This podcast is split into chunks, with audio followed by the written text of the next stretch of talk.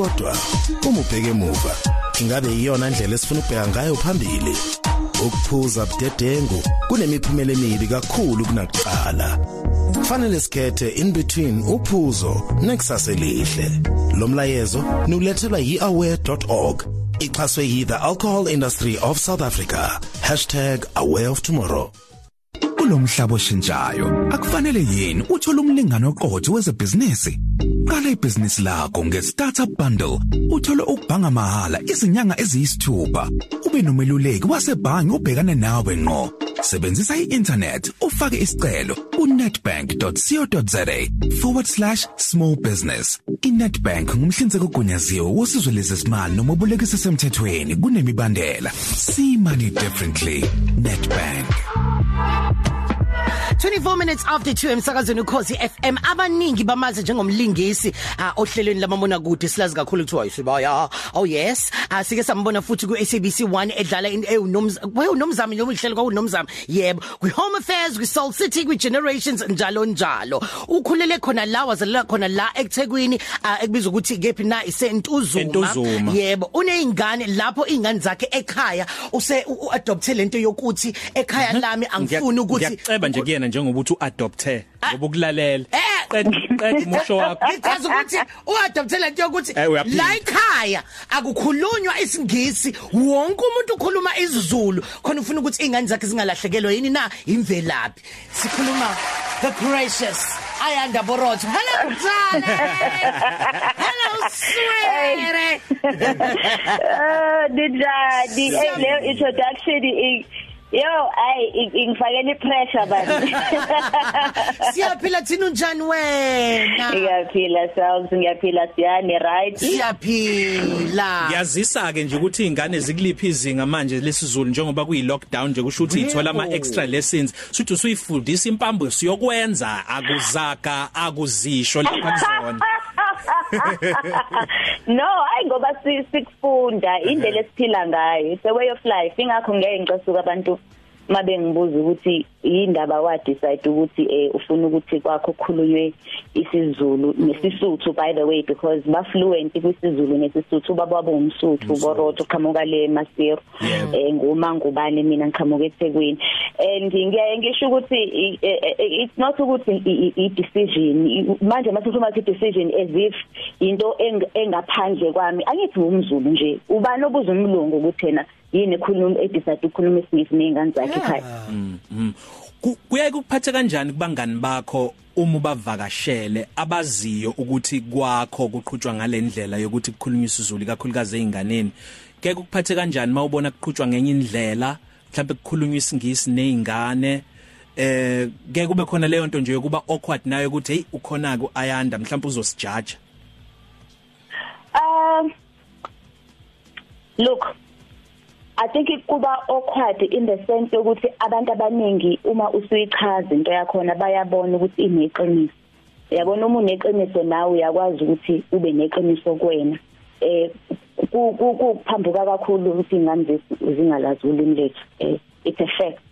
So i think i awkwardness kuba ibona ekutheni thina azange sibe senze ngendlela e right it's not done right by our kids. And ngihlale ngisho ngithi mina yazi lezi ngane zothi masekhulile yabona la base ziziwoke khona zithi i'm trying to find myself. Mase si try to find themselves they'll be so lost because bazothi besuka bebe bedinelwa thina bayobuyela thina ingane ibuza ukuthi nani ngangifundisa ingane ukuthi nokuthi? Nani nani ngangikhulumisa ingane ngolimi lami? Khona ngizolazi. Because mase be out there in the world sebekhulile eh eh the more you grow and you become into yourself ufuna ukuba wena authentically you. So um kuba kuba a challenge in that way. Abanye amase abaningi babangani bami um ba on board um ba on board and and uh, uh ngingathini akubi that awkward. Kuba nje kona lokhu ukuthi bona basijaja bona. Hayi ngoba bebuka mina ukuthi ngiyabajaja basijaja bona. Um usakhuluma kha- khona nga- nazo nezingane asikhulumeni futhi ngale ndaba yokhuvethe kade ngisanda ukubuka la i i- i- video la engithole ku YouTube okhuluma ngeindaba zokuthi enye yamadodakazi yakho ingene university um yenza unyaka wokuqala and then enye futhi yenza umatric. And yonke lento isishintshile yaguquka konke lokho kwenzakala emhlabeni kwenzakeli um kwaguqula yonke into leyo fanele ngabe indodakazi yakhe ijabulile ukuthi yes ngenza first year esikoleni kodwa manje njo- nale new normal ekhona njengamanje awu understand nokuthi new normal noma yini. Yonke lento yenzayo nendodakazi futhi naye le yenza imatric kumele ukuthi ilahlekele u3 months esikoleni kumele ukuthi ufunde. Manje kuningi neinformation kumele ukuthi iprocess ngaphakathi ekhanda nawo nama exams azoqala ngekudala. Sinjani isimo njengamanje ekhaya kukho konke lokho kwenzakalayo it's funny sazi because njengoba usho lento eshoyo izolo nje izolo lokho kade sinomhlangano la ekhaya mina ubaba la ekhaya nezingane leze imbili ezindala um trying to get back on track. I think inkinga iba sekutheni izingane zethu because abantu abangafundiswanga ukucabanga abangakwazi ukuprocessa even ama emotions um kubalekile ukuthi sisize izingane ukuthi zikwazi ukuprocess ama emotions so for instance oyedwa wabo izolo kube ne breakdown because uthola ukuthi eh abangani bakhe about 2 have lost their dad obaba bashonile due to covid. So leso stress combined with yonke into eyenzakalayo ngendaba yesikole because sisese lesinqumo sithi ayizuphindela esikoleni somtholela i-private tutor aqhubeke. But into engisho ukuthi if sing sing singa singawathatha ama lines of communication seriously nezingane zethu sizoyidukisa because sometimes i-answer ikhona inkinga is that akakwazi ukuyicabangela to get to the answer. And what we were trying to restore izolo was a level of control because right now the situation is dictating to us ukuthi fanele kube nje. So i think the more ngikhuluma nabo ngokuthi okay ufila not ufila kanjani emzimbeni imizwa yakho eyini uyini ekuthusayo and mawukuthi iyakuthusa eh yini engakusiza ukuthi ingakuthusi? Because imi imikuthusa kanjeni iyakukhubaza emotionally. So how to so for me into important is to keep the lines of communication open eh so that uzokwazi ukubasiza ukuthi ba process ama emotions up because njengoba ngisho isikhathi esiningi ianswer isuke ikhona but inkinga don't know how to get to the answer uyazi lento eyishoyo ngicabanga ukuthi isiphendula ngqo kulento besibhekene nayo eyinkinga. Ngesikhathi sivula isihloko kusanda kuqala leli sonto esasikhuluma khona nomuntu wesilisa. Sithi wendoda awukusho wena izinto ezikuwena ezingakhulumeki. Wela ngifuna ukuyichaza ukuthi yayithini kodwa into esayithola ukuthi abakwazi ukuyikhipha yeba amagama lento bayiphimisele njengobusho bay express bayenza ikhulumeke. Kodwa mhlawumbe sidlule lapho. Ngiyathanda ngoba sisakhulume ngeingane zakho. Uyaye uzibone yini wena kuzo? Nempilo abayiphilayo manje ngo2020 kakhulukazi ningizima Africa kulesi sigaba ekusona nje kusasa iMandela Day la khona iqhaza namagalelo akhe kanye nabanye. Kwalekelela ukuthi baze bagcine abantwana bakho baphile lempilo abayiphilayo. Bese ucabanga uAyanda oyihambela lapha koNtuzuma EF nozaza kolindelani mhlambe mabethunyiwe kwamashe station ebese kuvukani weAyanda? Kuvuka ukuthi impilo yomuntu ayiphethwe yimina ayiphethwe umuntu uphethwe uNkulunkulu because nami eh ngezami ikhathi ngisakhulela intuzuma eh angangazi ukuthi ngiyoye ngibe la ngangikhona. Kwakuyiphupho kumina. You know eh kuvuka lokho kumina. I, I, I always say yabona ikakhulukazi mangikhulisa lezi zami izingane into engayingcile kuyona iba sekuthini wena self remove ukuthi nguma wakho. Because leyo nto izokufakela ipressure. Musi angabe umama lo obonwe wonke umuntu onjanja njanja njani angibe umuntu kuwena. It's very important to the relationship that is human with our children ngoba ni ngoba unejeni yakhe. Nami nginejeni yami. Nobaba la ekhaya unejeni yakhe. So my thing has always been ukuthi izingane asivumele zi unfold singa impose on them ukuthi hey fanele wenze kanje. That's why ngithi communication important because the communication ibanika guidance la bangazi khona. But to not impose ourselves on our children eh omunye wake wathi mina ayanda i'm sure kubukhulu ukuba nomama onjengawe. I mean overachiever by by by by by nature because bangenza into ngiyayenza ngiyenza isizwe. I'm an overachiever I, i set big goals for myself and and i dream big. And and leyo nto leyo ingafakela izingane ipressure. So kumina yes i can see the fearlessness in my girls. You know um they are opinionated eh bayikhuluma into abafuna ukuyikhuluma and and ngiyababona ukuthi abezi kuba ama pushover mabefika emhlabeni abezi kuba amagwala basabe ukuvoice ama opinions abo nama perspectives abo. Ngibakhulise ngaleyo ndlela. So yes i can see myself in that but they are their own people abayimina mm. and ngifuna ukuthi bak understand lokho ukuthi musukopisha kuba uma wakho ibe wena i can guide you. I can be your role model. Eh ungathatha ama ama imfundiso kumina kodwa kuphelela lapho. Be you be uniquely you and I support you in your journey yokuba wena. Mm nice. Ake sikhulume ke manje ngohambo lakho kuyona kulendima noma kule kulomkhakha kuzaqeda izungu ku entertainment industry ezokulingisa njalo njalo. Ebinjani lunjani uhambo? Em em em kungaba yinto ongakwazi ukuthi uthi einganeni zakho ngena mntanami ungavumela yini na ukuthi zingene kuyona le industry? Belunjani wena personally? If bene if bene passion bangangena. Mawukuthi bayithanda bakuthanda wholeheartedly. But then mawukuthi une passion ngiyacabanga ukuthi ungenza ne stage ungaya nokwenza idrama kuma drama drama eh eh theaters emalokishini eh if ukuthi ngempela une passion ye art inkinga is that right now industry inabantu abaningi abazela ukuzoba relevant. So inkinga inkinga ngobani?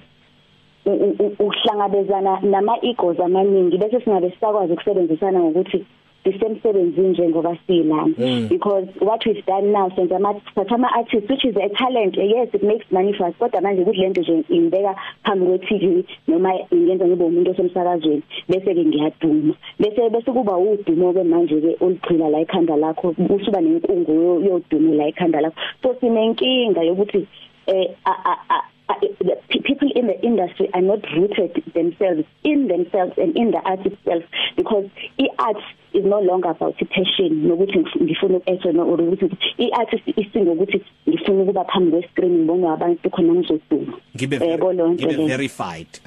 Ngiyabona ngibe ngibe verified. It's about validation. Thank yeah. you yeah. yeah. So so so i i, I if ngempela befisa it's fine. But where I am mina mina I find the art industry the way it is njengamanje to be quite a toxic environment. And uh, I would need my girls to be very very strong. My children zonke ingazami ngafanele ukuthi ngempela zibe abantu abaqinile emoyeni ukwazi ukubhekana ne-industry siyona. It's too much competition. It's too much more i'm calling it a spade a spade guys. Ngicela ningathi uh, mhlambe nginja too much competition.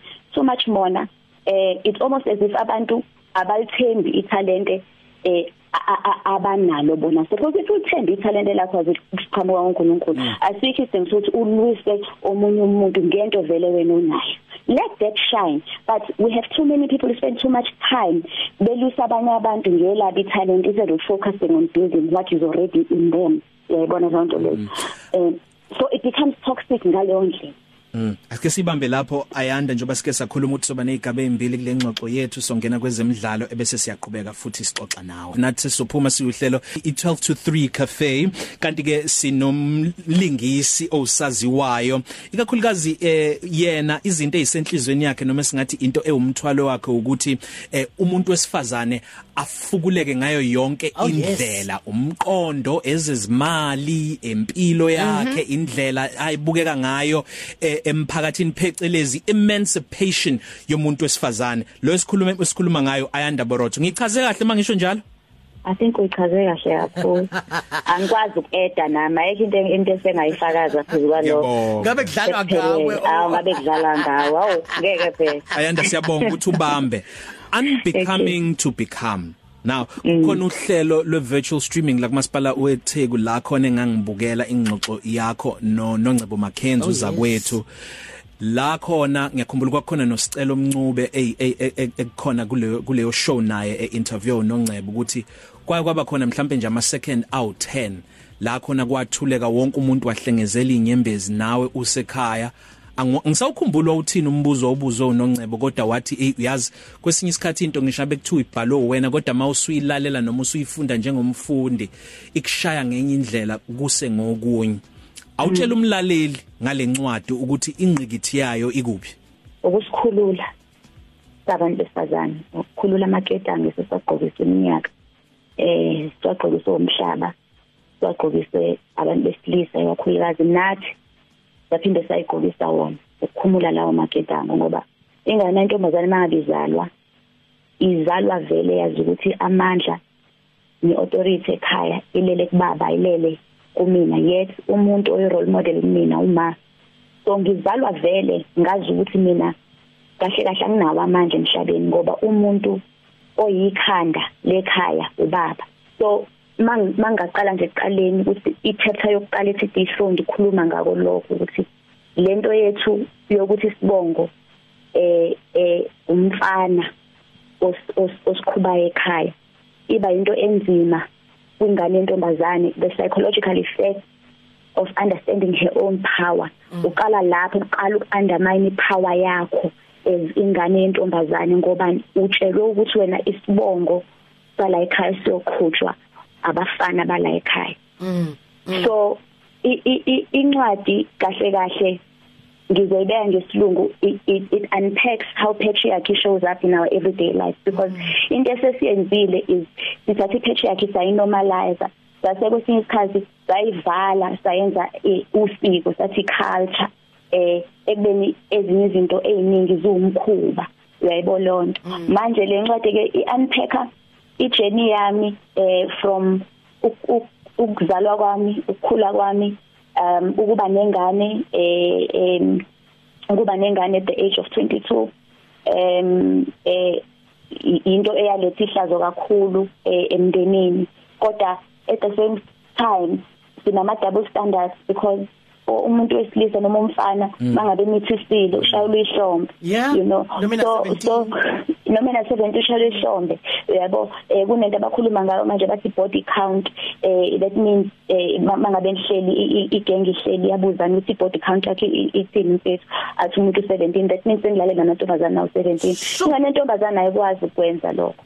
Eh ingane intombazane yatshetha ayihlale kanjani. eh ingane intombazane iyatshela ukuthi ayigcine igcine lomshado abafana bakutshelwa konke lokho. So i expose ama double standards in society that we disguised as culture. But into ebalekile kakhulu lana ukuthi isihlalo somuntu wesifazane so sokukhosi bakhe emhlabeni simphuce bona. Mm. simphucile ubukhosi bakhe emhlabeni.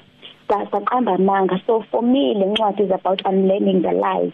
We've been told eh ikhuluma about my journey eh, in corporate as umuntu esifazana omnyama omncane eh, ngisebenza namabhunu amakhesha amabhunu and I was only executive management at the time. Ama struggles ami ngaleso sikhathi ukuba i single parent nalento okunormalize single parenting. Single parenting is a dysfunction in our society. Asingayishayela ihlombe akuyona into enhle akuyona indlela umdala ekudale ngayo. Ukuba wayekudala kanjalo ngabe siyakwazi ukuzenzela ezithi ingane sisodwa ingane zidalela ukuthi zikhuliswe abazali ababili so it talks about the brokenness of the African family and the black mm. family mm. also talks about the um ngizoya ku me too chapter 14 because I think there's 18 chapters here khuluma nango me too um ngaba ne experience of being molested ngisayingane ngikubezwa cousin wami ngisayingane but these are things guys e, e, e, ezingapheli ayiphelile namhlanje emhlabeni eh ngoba sina sikhule sazi ukuthi umzimba umzimba wami akuwona wami umzimba wami ngubekile ngubekele indoda yami. Nje kahle kahle asina power ya asinawo amandla kuyiphatha in any way shape or form. In any way shape or form asinawo amandla okuyiphatha ngoba umhlaba uphethwe amadoda. Even izwi lethu liphethwe amadoda. Ngalendlela ukuthi kwaye kungiphathe kabuhlungu ukuthi njalo mangabe sifuna ukukhuluma izinto mhlambe zeculture nokuthi into ukuthi yaqala kanjani. Fanele siye emadodeni ukochaza ngokuthina sabantu besifazane. Bakho abantu abasifazane basitshela ngokuthina. Why fanele sitshelwe abantu besilisa ukuthi hayi usiko luthi iculture yayithi ngesikhathi semandulo ukuthi so i took it upon myself ukuthi ngizenzela wa eyami research ukuthi umuntu wesifazane waye yini emandulo? Waye yini? And i-research yangiqhamukela izinto ezimnandi ezinteresting engithi inkosi yami ukuba ingane zethu ziya understanda ipower yomuntu wesifazane. Nokuthi umuntu wesifazane wayihlonishwa kangakanani emandulo ngaba yikho yonke lento yo isikhathi simbi kanjani? Uh, um um ayanda nje in 30 seconds umuntu wesilisa ofunda lencwadi yona unbecoming to become um u- u- u- uphuma nani? Yini into umuntu wesilisa into azophuma nayo mayifunda noma ohlonze wena ukuthi Yeah, aphume aphume nayo. nayo eh. Buyelana ekhaya bafethu there were two centers of power mangabe usekhaya emakhaya kwakuba isibaya which represented the masculine power bese kuba indlu yogogo that represented the feminine divine power. Yeah. the two were in balance and in unison sebenzisana ndawonye. Lento amadoda aseyiyona njengamanje indoctrination yabelungu necolonization yokuthi une head. Sasingena head thina sasebenzisana in fact uma wayehead ngoba yayingabi khona inkosi inkosikazi engekho. Engekho. Engekho so buyelana emuva because actually kahle kahle nifundisiwe to bastardize your own identity you've been taught but what you have been taught you can also unlearn and siyabonga kakhulu ngesikhathi sakho ukwazile ukuthi usipintshise Wow. isikhathi is- isikhathi si- sini ngifuna ukusho igama li- sini isikhathi si si si wrong eh no ama radio interviews ayahlupha esikhathi manje sibe sincane Yes. banye ngifike lapho sihlale studio for 2 Uyayibona hours sidikide kahle le ndaba ayahlupha ayahlupha ngoba bengifuna ukusho ukuthi njengoba ku July la khona kukhulunywa kakhulu ngezinto ezithinta umuntu wesilisa ngiyazibuza ukuthi ekulalele manje uthini? Eh sibheke kuAugust nomuntu wesifazane ukulalela uthini ngoba nginovala lwalowo kulalele ozothi nakhuluma kakhulu ngezabo kube kuyinyanga yethu. Ngibe novalo futhi nalona othi ophethe iphomphomo oyicheerleader uthi yes girl yes queen. Uyabo? Ah, kodwa ngeke sisilungise siya ngeke sisilungise isizwe kulunge oyedwa fanele silunge sonke. Yebo. Ngeke sibuye isizwe ku- kukhona o- this is the challenge right now. We are all broken so ke sinenkinga zethu. Yeah. kodwa ngeke si- isizwe sis- sis- sisidinga siphelele sonke. Yeah. Ayanda Broad. sikuthola kanjani inkundleni zokuxhumana sithanda eh social media Instagram eh eh Ayanda Boroto and then eh, Facebook also Ayanda Boroto Siyabonga kakhulu siyawuthanda umsebenzi wakho kusifisela Lovely, inhlanhla. lovely, lovely. and good luck futhi ngisho naseyinganeni bakithi inkosi yami siyabonga siyonibeka emthandazweni. Wonke umuntu nesizwe sonke nje sinibeka wonke umuntu emthandazweni. Siyanithanda Nith- nithandaza kunjalo ngiyanithanda siyadingela nihambe niyothenga incwadi. Okay ngenza kanjalo. So wenza Yes, siyothenga eh, and yeah, coming to be ngithenga here incwadi, iyatholakala yeah. online iyatholakala online. Exclusive books take a lot. Itholakala yonke indawo perfect Thank you, Ayanda. all right thank you love you guys bye If you make it worthwhile, I can make you famous. Past the 3 Cafe. Ukhozi